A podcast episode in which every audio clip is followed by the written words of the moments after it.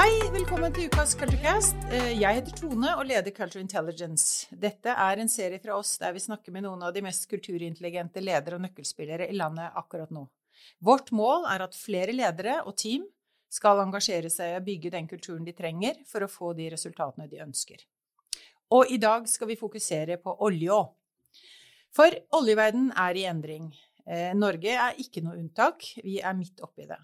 Det betyr at oljeselskap nå fokuserer mer og mer på fornybare energiløsninger. Eh, Ref f.eks. Equinors nylig publiserte strategi. Virksomhetene søker å ekspandere seg inn i nye segmenter knyttet til bl.a. lavkarbonløsninger og fornybare løsninger på alle måter. Et annet eksempel i bransjen er oppkjøpsselskapet Hightech Vision. Det er kjent for å kjøpe opp, eh, restrukturere, bygge opp og selge ulike typer virksomheter innen energi, og særlig olje og gass.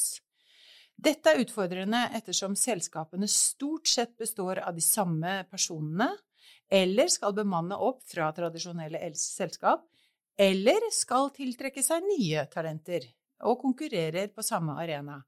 Og vårt fokus er eh, hvordan kan denne overgangen i det hele tatt gjøres, og er det mulig? For å snakke om dette, så har jeg vært så heldig å få snakke med Hans Jakob Hegge, som for et år siden ble ansatt som ny CFO i oljeservice- og leverandørselskapet Moreld, som kontrolleres av nettopp Hightech Vision. Det spennende er at Hans Jakob har jobbet i Equinor de siste 25 årene i veldig mange ulike roller og land og sted. Han er derfor helt perfekt til å sette lys på og kommentere rundt de problemstillingene en kulturovergang fra et oljeselskap til et fornybarselskap handler om. Velkommen til oss, Hans Jakob. Takk for det, Tone. Veldig hyggelig å bli invitert. Det er lenge siden vi traff hverandre, så da var du i Statoil, og jeg var vel egentlig i Dynamo, tror jeg. Så da snakket vi om, eh, om mange andre muligheter da også. Ja. Ja. Og, og nå er vi blitt eh, energiselskap eh, i Equinor, og, og Morel er en av leverandørene til Equinor. Eh, Total, Vår og de andre, så her er det mange koblingspunkter. Ja, her har det skjedd mye. Så, men før vi kaster oss ut i det, Hans Jakob, kan ikke du si litt om noe av det du har holdt på med siden sist? Jo, jeg har jo i Equinor jobba med den globale shared service-enheten av fellestjenester. Og eh, vi fusjonerte jo for en del år siden der med Norsk Hydro. og og smelta sammen to norske selskap, men med nokså ulike kulturer, og det var veldig spennende. Eh, så fikk jeg som økonom lov til å lede drift av oljeplattformer i Nordsjøen.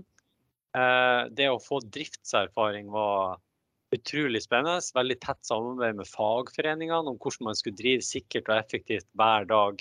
Intenst, men utrolig gøy.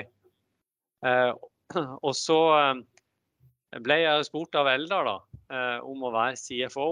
Eh, og det var jo også utrolig gøy, veldig lærerikt og givende. Vi skifta jo bl.a. navn fra Statoil til Equinor eh, på det skiftet vårt. Og da var jo det bare et klart uttrykk for at energiomstillinga er i gang, og framtida er mer fornybar. Mm. Kjempespennende. Jeg liker at du kaller, det, kaller han Eldar. Det, det, det vitner om hvilket nivå du har vært på. han er Eldar, og det tror jeg han er fornøyd med sjøl også. Så eh, sendte han jo meg til USA, eh, der jeg fikk ansvaret for å være landsjef i USA midt under Trump. Eh, og, og opplevde jo også interessante kulturforskjeller. Ikke bare mellom norsk og amerikansk kultur, men også den omdiskuterte landsatsinga til Equinor som jeg da fulgte opp. Den er kjempespennende. Det kan hende blir en egen podkast, men, men, utrolig interessant at du har vært på, på, alt dette. Så hvis du skulle tenke en slags uh, rød tråd, hvis det i det hele tatt går an uh, på alt du har gjort, uh, hva handler det om? Nei, Først vil jeg si at Equinor er et fantastisk selskap som gir folk muligheter til å lære og utvikle seg med ansvar og i sterke team. så den røde tråden for meg har vært læring og utvikling. Og det å jobbe med flinke folk og lære av de. Men også prøve å skape ting sammen med de. Mm. Og det er jo ikke da tilfeldig at du får den jobben som du har fått nå, tenker jeg. Når du er god på det her, så er jo akkurat det fremtiden trenger, nemlig å klare å bruke folka til nye retninger og nye oppgaver. Så det høres ut som er en uh, veldig bra match.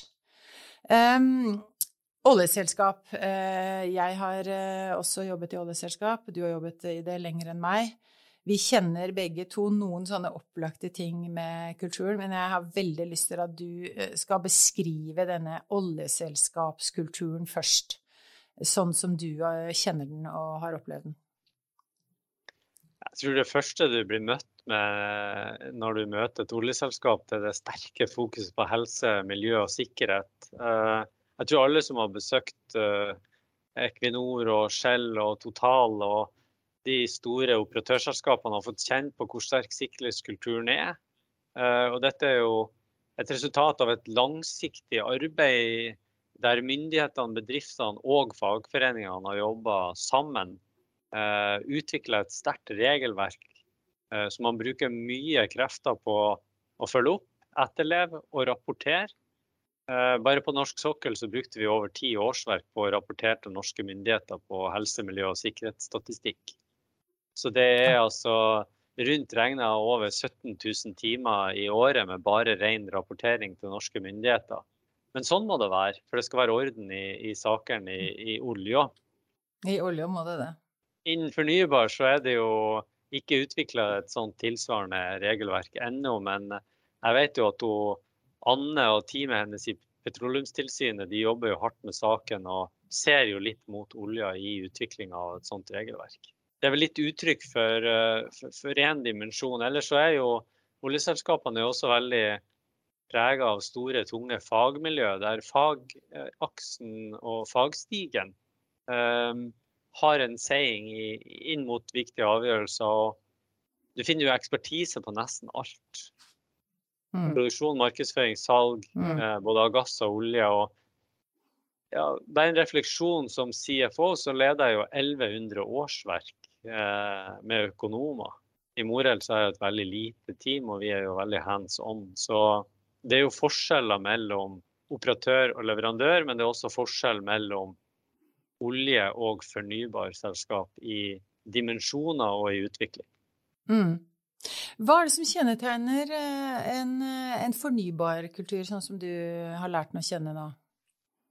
Ja, altså Hvis hvis oljeselskapet er veldig prosedyre- og rammeverksorientert, så vil jo fornybar typisk være mer prega av gründere og marginfokus. Det er klart, eh, olja har jo vært eh, bada i melk og honning. 12-15% marginer er jo fantastisk. Eh, selv om du tar stor risiko, så, eh, så vil jo de fleste si det er en kontrollert risiko. i i fornybar så byttes de 12-15% ut med 3-4-5 Og eh, veldig tøffe auksjonsrunder om konsesjoner der du gir bort hele fortjenester i anbudsrunden.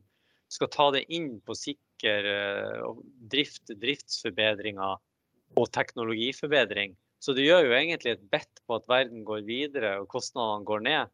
Fordi du gir bort en del av oppsida i å vinne posisjoner. Eh, det er klart dette krever et veldig sterkt eh, kommersielt miljø, men det krever også et, et uh, veldig oppegående teknisk miljø. Og det er jo her du finner broa mellom olje og fornybar. Det kommer vi sikkert tilbake til. Mm. Men, men, akkurat det fokuset at uh, oljeselskap har jo ikke egentlig et uh, Eller i hvert fall Oppstrøm har ikke et kommersielt fokus, det har et driftsfokus. Og den kulturen er trent til å følge prosedyrer og levere på standard. Og, og liksom, i SO i hvert fall så var det en perm for alt, så du, du visste alltid hvordan ting skulle gjøres. Og så kommer vi nå til denne nye oppstarten, eller i hvert fall nye selskaper som skal leve av fornybar, hvor, hvor man ikke enda har funnet ut uh, beste praksis eller standarder eller sånn, hvor man må bare prøve seg litt frem. Og jeg tenker at kulturmessig så betyr det, eh, hvis jeg skal oversette det litt inn i, i vårt rike, at fra da å ha en, eh, en, veldig tydelig vei som er staket ut og testet ut og kontrollert og, og forutsigbar, så ber man da eh, ansatte i eh, fornybarbransjen å, si nei, finne ut av det, og, og, men du må begynne å gå. Og jeg tenker det skiftet der, det er utrolig spennende, men jeg tenker at det også er ganske vanskelig. Jeg vet ikke om du eh, har noe, allerede nå begynt å kjenne litt på det? Jo, jeg har det. og jeg, jeg vil si at i fornybar eh, så blir veien til mens du går. Mens i, i olja så, så blir veien til uh, der den er gått, og der den forbedres i forhold til hvor den er gått. Så det er jo mm. oppgåtte stier, men det er fokus på forbedring av, av det som allerede er, er godt. Mm. Eh, av, og jeg tenker at eh, Jeg kjenner litt på at eh, du, skal, du skal ha en klar forretningsplan når du starter ny virksomhet. Du skal eh, reise kapital for å finansiere vekst og utvikling. Du skal ansatte folk, og du har ikke spesialister til alt det her. Så Eh, en dag kan jeg sitte og konsolidere og følge opp regnskapet. En annen dag så kan jeg lage bonussystem og sånn sett agere som HR. Fordi det ikke er strukturer for alt. Nå er jo Morel et, et selskap med 3000 ansatte i 15 land og har 16 selskap under seg. Men konsernorganisasjonen på toppen er veldig liten. Så her er det jo en stor overgang fra å, å, å ha jobba i det største selskapet med med en compliance-kultur og ekspertise eh, tilgjengelig overalt, til å eh, bli mer hands on og, og, og um, ikke vite helt hva dagen bringer når du kommer mm. på jobb. Mm. Det er akkurat som inn i vår startup-kultur. Det, er helt Men du må bare finne ut av det. Du har ikke folk, og du har ikke penger, og du har ikke strukturer, og du har ikke permer, men du må bare finne ut av det. Så veldig spennende, og, og litt skummelt. Ja, det er jo det. Ja. Fordi uh, det er visse parametere du ikke kan bomme på. Og eh, enten du bygger fundamenter til vindmøller, som vi gjør i Morel Ocean Wind, som er et nytt selskap som Morel har starta, eller du uh, drifter en plattform sånn som vi gjorde på Troll og Oseberg, uh, så er sikkerheten til de ansatte helt avgjørende. det er vår viktigste prioritet. Og det å sette folk i stand til å jobbe sikkert. Har du behov for Eh, selv om du ikke har alle reglene og strukturene på plass. Så ledelsesmessig så må du følge opp folk eh, på en likearta måte. Stille krav, følge opp, men også drive opplæring og veiledning og, og bevisstgjøring. Mm. Så det er også noen felleselementer i, mm. i det å jobbe med mm. fornybar. Og da kommer vi til første sånn 10 eh, 000 dollar-spørsmålet, Hans Jakob. Hva slags kultur har dere i Moreld for å lykkes med alt det der? Jo, eh, det er jo et stort spørsmål, men eh, vi bruker oljeingeniørene til å utvikle nye selskap. Eh, det har vært eh, etablert tre selskap det siste året. Morel Ocean Wind eh, lager modulariserte eh, fundamenter til eh, offshore vindmøller, som er mye lettere Eh, krever mindre stål og bygges modularisert ut. Så det, det har et konkurransefortrinn på kost. Eh, for å få skape et sånt selskap av oljeingeniører, så må du for det første ha en idé, du må skremble et team, og så må du lage en entreprenørspirit. De må få lov til å eksperimentere, gjøre feil. Eh, og det er viktig at, at vi motiverer de til å komme fram med med sine ideer. Og nå jobber altså oljeingeniører med fornybarprosjekter, og det kan de gjøre fordi de kan det maritime, de kan utbygging, eh, de skjønner implikasjoner mot drift. Eh, de har også en kommersiell bevissthet. Og alt dette passer da veldig fint inn sammen med rene spesialister som bare har jobba fornybar, som typisk kommer fra Eh, Danmark og, og, og, Frankrike. Og når de kommer hit til Norge med sin spesialist fornybarkompetanse, ser du at olje, olje, og fornybar finner hverandre, og det er ganske fint å se. Mm. Uh, Så av dette kommer det da bunnrammer og strukturer til flytende vindmøller. Det kommer strukturer til uh, akvakulturselskap. Morel Aqua er et selskap vi har etablert. Og så har vi også etablert et digitalselskap. Uh, og alt dette er gjort på ett år. Ja. Og det er fordi vi er bevisst på at vi bruker den kompetansen som er bygget opp i oljeindustrien til å lage nye selskap. Og vi kaller de nye selskapene for Energy Transition Engines, altså motorer i energitransisjon. Nye mm. vekstmotorer som skal være med å drive det her framover. Er kjempekult. Eh, det du sa om å bygge en entreprenørspirit, for det vet jeg med Nå skal være litt sånn tabloid, eh, men jeg vet at en tradisjonell oljeingeniør ikke er akkurat uh, eh, rusta ut med veldig mye entrepreneur spirit. Så hvordan, hvordan får du det til?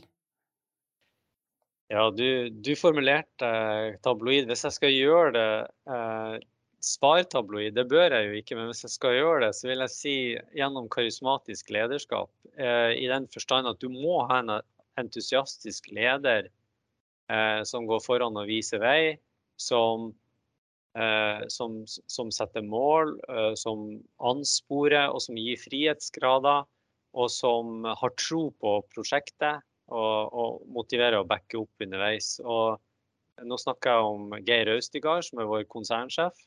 Mm. Uh, han er optimist i forhold til energitransisjon. Uh, har tro på at det er mulig å lage nye selskap og gjenbruke kompetanse. Også flink til å tiltrekke seg talent. Og så tenker jeg på Wolfgang Wandel, som leder Morel Ocean Wind. Han er også veldig entusiastisk. Og så blir de jo fuela med at de vinner kontrakter nå allerede etter ett år. De har jo vunnet mm. Eh, fem, fem, kontrakter nylig, og det er ikke alle som, som er annonsert. fordi det handler jo om, om, hvem disse kontraktene er inngått med, og hvor de er i fasen. Men, men, dette er veldig spennende å se. Mm. Eh, og uh, en ingeniør er ikke en ingeniør. Uh, så, så, oljeingeniører har også mm. mye spirit i seg hvis den blir mm. trigga på rette måten. Mm, mm. Og, og, det er så nydelig når du sa det sånn, fordi jeg, det konseptet som vi jobber med, det er jo at uh, verdier og kultur, altså verdisettet ditt, det er jo det som summerer seg opp til å bli en kultur når det kommer i et team, det er en annen faktor enn kompetansen. Så det du akkurat sa, er jo en bekreftelse på at vi, ja, vi har en kompetanse, Eh, men vi har også verdier som lar seg eh, dirigere eller eh, rette inn mot nye oppgaver der man kan bruke kompetansen, men på en ny måte. Og det er akkurat den overgangen der som jeg tenker Når du får til det, så kan du jo virkelig, virkelig bruke mye av oljekompetansen inn i, i nye, de nye energiløsningene. Men jeg tenker jo at det krever veldig konkret Eh, action fra ledere. Jeg, tenker jo at det, sånn som vi ville tenkt i hvert fall, så er det sånn Her har vi nå noen nye verdier eh, som vårt selskap har bygget på. Eh, entreprenørs, eh, entreprenørspirit, nå tar jeg bare det som et eksempel. Det er det som det kreves for å jobbe her. Så, så kan du, kjære medarbeider, hvordan vil du håndtere det, og hvordan kan jeg hjelpe deg å, å liksom forløse mer av det? Er dere så konkrete, eller er det litt mer sånn diffust? Nei, jeg tror det som, eh, det som, er veldig konkret, det er jo eh, fokus på å sette eh, klare, tydelige mål. Ha visjoner for, for utvikling. Gi tillit og frihetsgrader. Få lov til å eksperimentere. Lage rammer i tid og rom for, for det. Og så tror jeg også det er noe som i mangel av et bedre ord heter grensesetting, som går på oppfølging og kontroll. Eh, rammer. Eh, det, det å etterspørre og, og, følge opp. Eh, det er den beste hjelp til selvhjelp også for, for team. At det er milepæler de skal rapportere, mm. men, men, å finne den balansen der mm. er viktig. Og så er det jo flott å se at innen fornybar som, som vesentlig del av vår omsetning nå er kommet innafor, så, så ser vi at oljeingeniører sammen med fornybarspesialister smelter sammen i en symbiose av, av, av kunnskap der det bærende element er holdninger til samarbeid mm. og utveksling av eh, erfaringer og kompetanse. Og så bruker de benchmarking, soft benchmarking aktivt. Mm. Altså hvem, hvem, er det som vi konkurrerer mot? Hva, hva, hva holder de på med? Ja. Hvordan kan vi differensiere vårt produkt, vårt innsalg, vår måte å jobbe på fra de, sånn at vi skiller oss ut? Og Eh, og det krever en, en, en, en leder, leder, som motiverer og følger de opp. Og det er egentlig ikke så unikt, men det, er, det, er, egentlig ledelse og kompetansemedarbeidere ja. og samarbeidsledelse som, som går igjen, syns jeg, da. Mm. Ut ifra de eksemplene vi har her.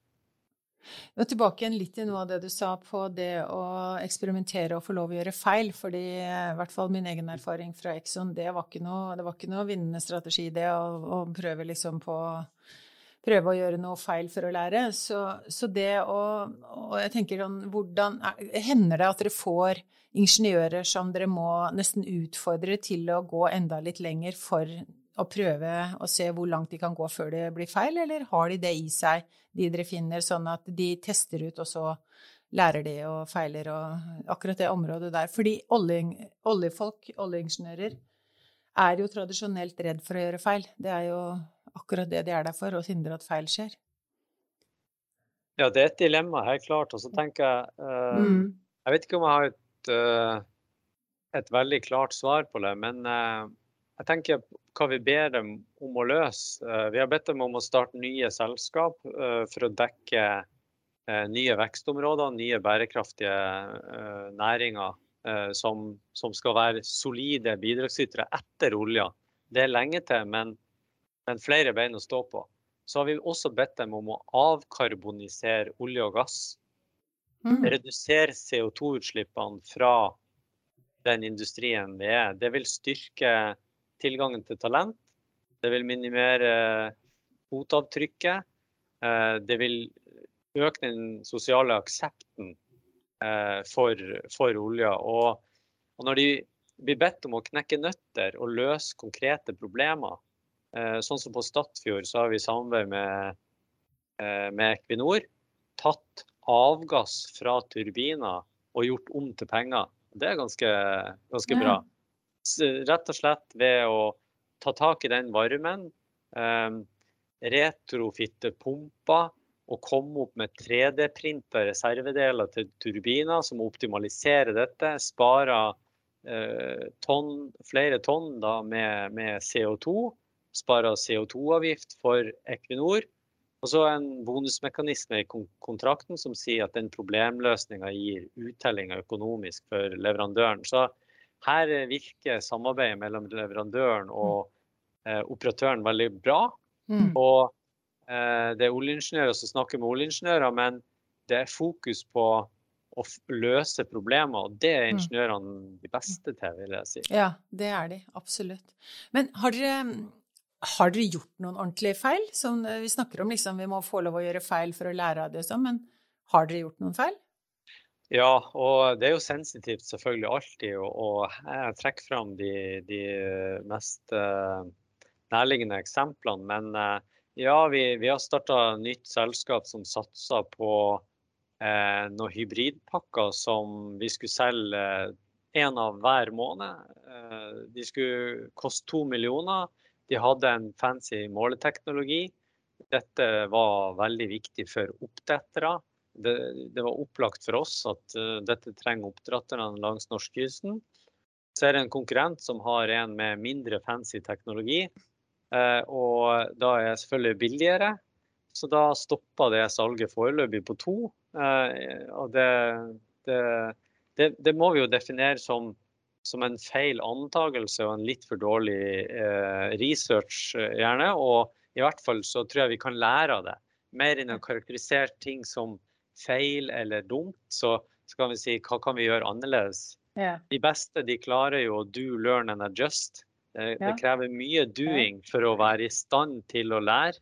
Og lære mm. har du jo først gjort når du har endra på bakgrunn av erfaringer. Mm. Og vi endrer jo nå med å vri, vri fokuset mer mot salg av ekspertise innenfor akvakultur, og eh, er i ferd med å lande noen eh, interessante kontrakter der. mm. der vi får brukt kompetansen litt annerledes. Mm.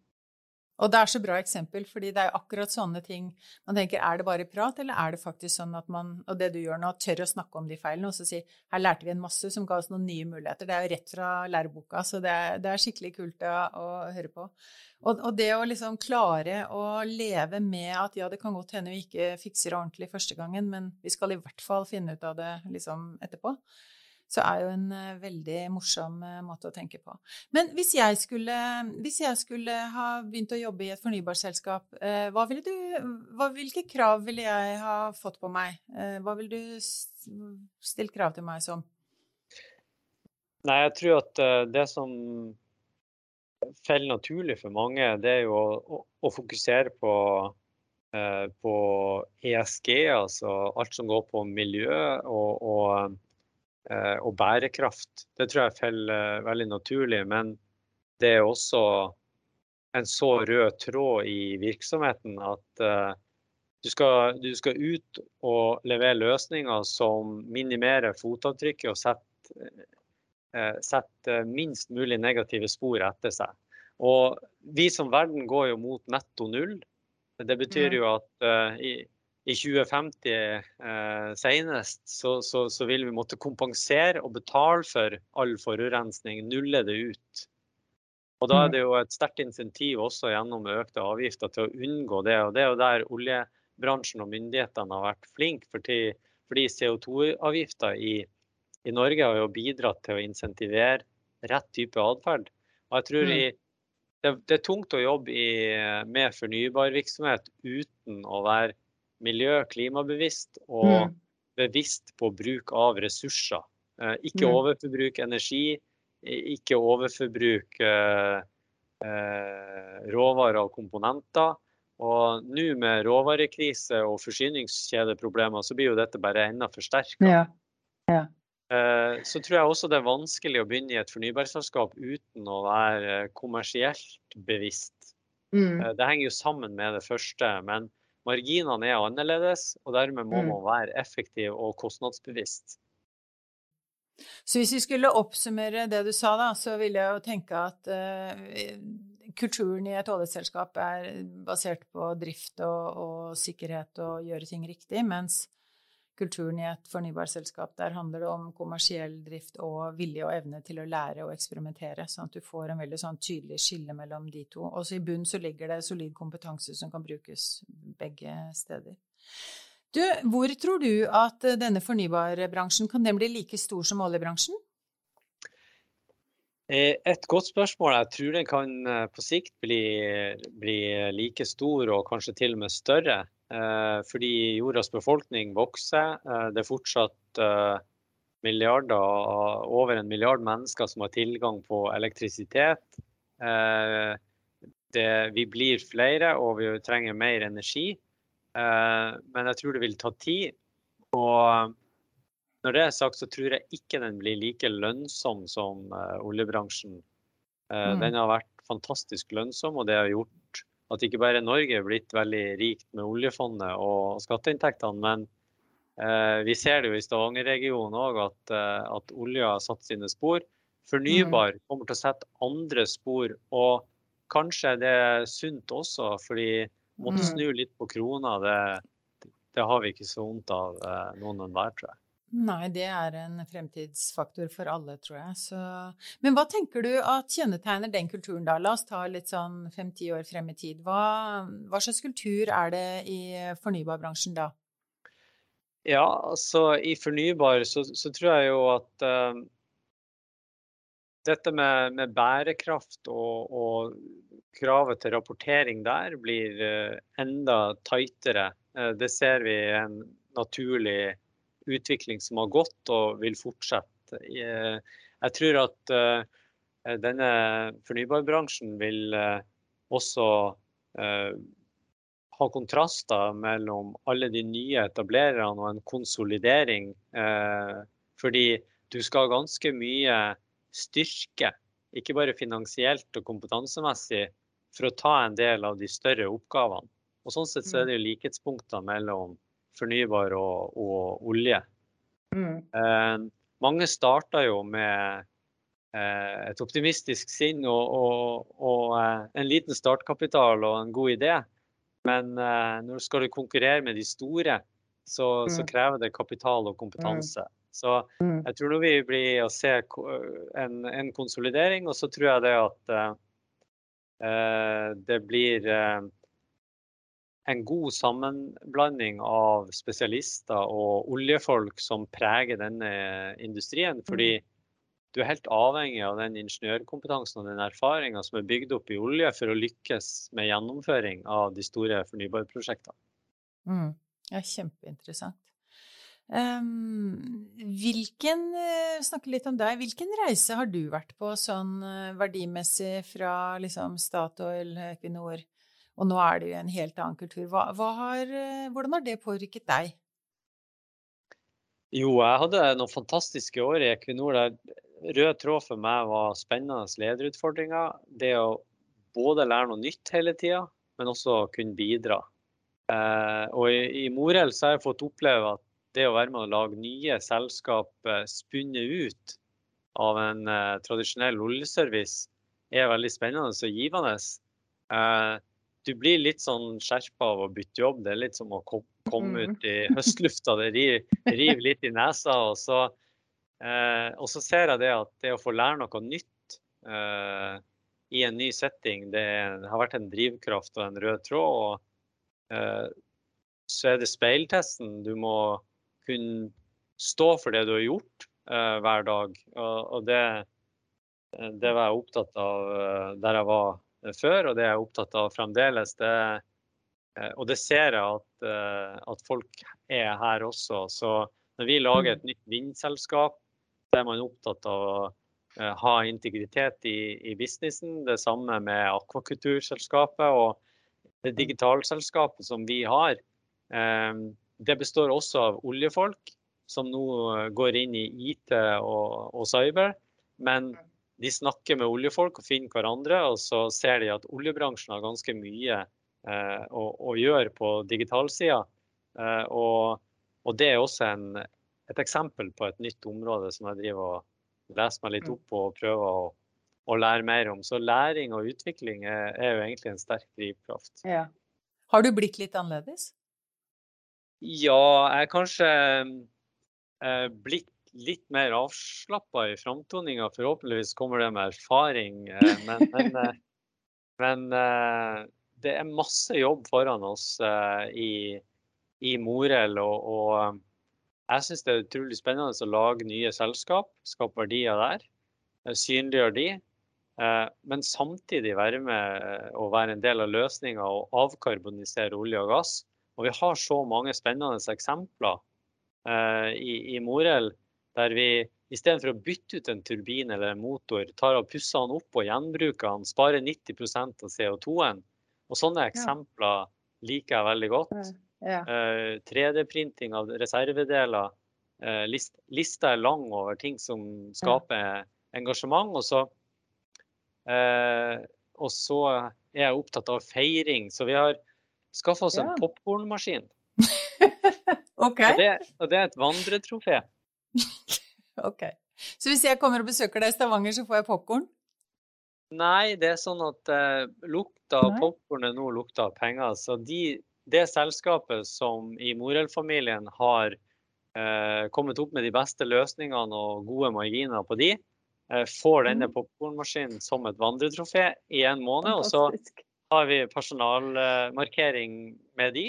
Og så er det et vandretrofé, så må vi gi den videre til til de som vinner neste måned. Og sånt syns jeg er gøy. Markere milepæler. Ja, veldig gøy. Så når jeg lukter popkorn så kommer jeg til å tenke på penger. Det, Men du skal det... få en smak, selvfølgelig skal okay. det. Vi er, okay. er kjipe. Nei, det er ikke kjipe. Du, helt på slutten, eh, kan ikke du gi et godt råd til alle de lederne ute i oljebransjen nå som står foran denne transformasjonen med å gjøre virksomheten sin mer fornybar? Eh, hva vil være ditt beste tips eh, til, til de? Ja, et stort spørsmål. Jeg vet ikke om jeg skal gi så mange råd, men jeg, vi, vi, står jo i en stor utfordring om at klimaregnskapet ikke går opp. og Vi må over på lavkarbonløsninger. Og fornybar skal erstatte fossil. Det, det vet vi.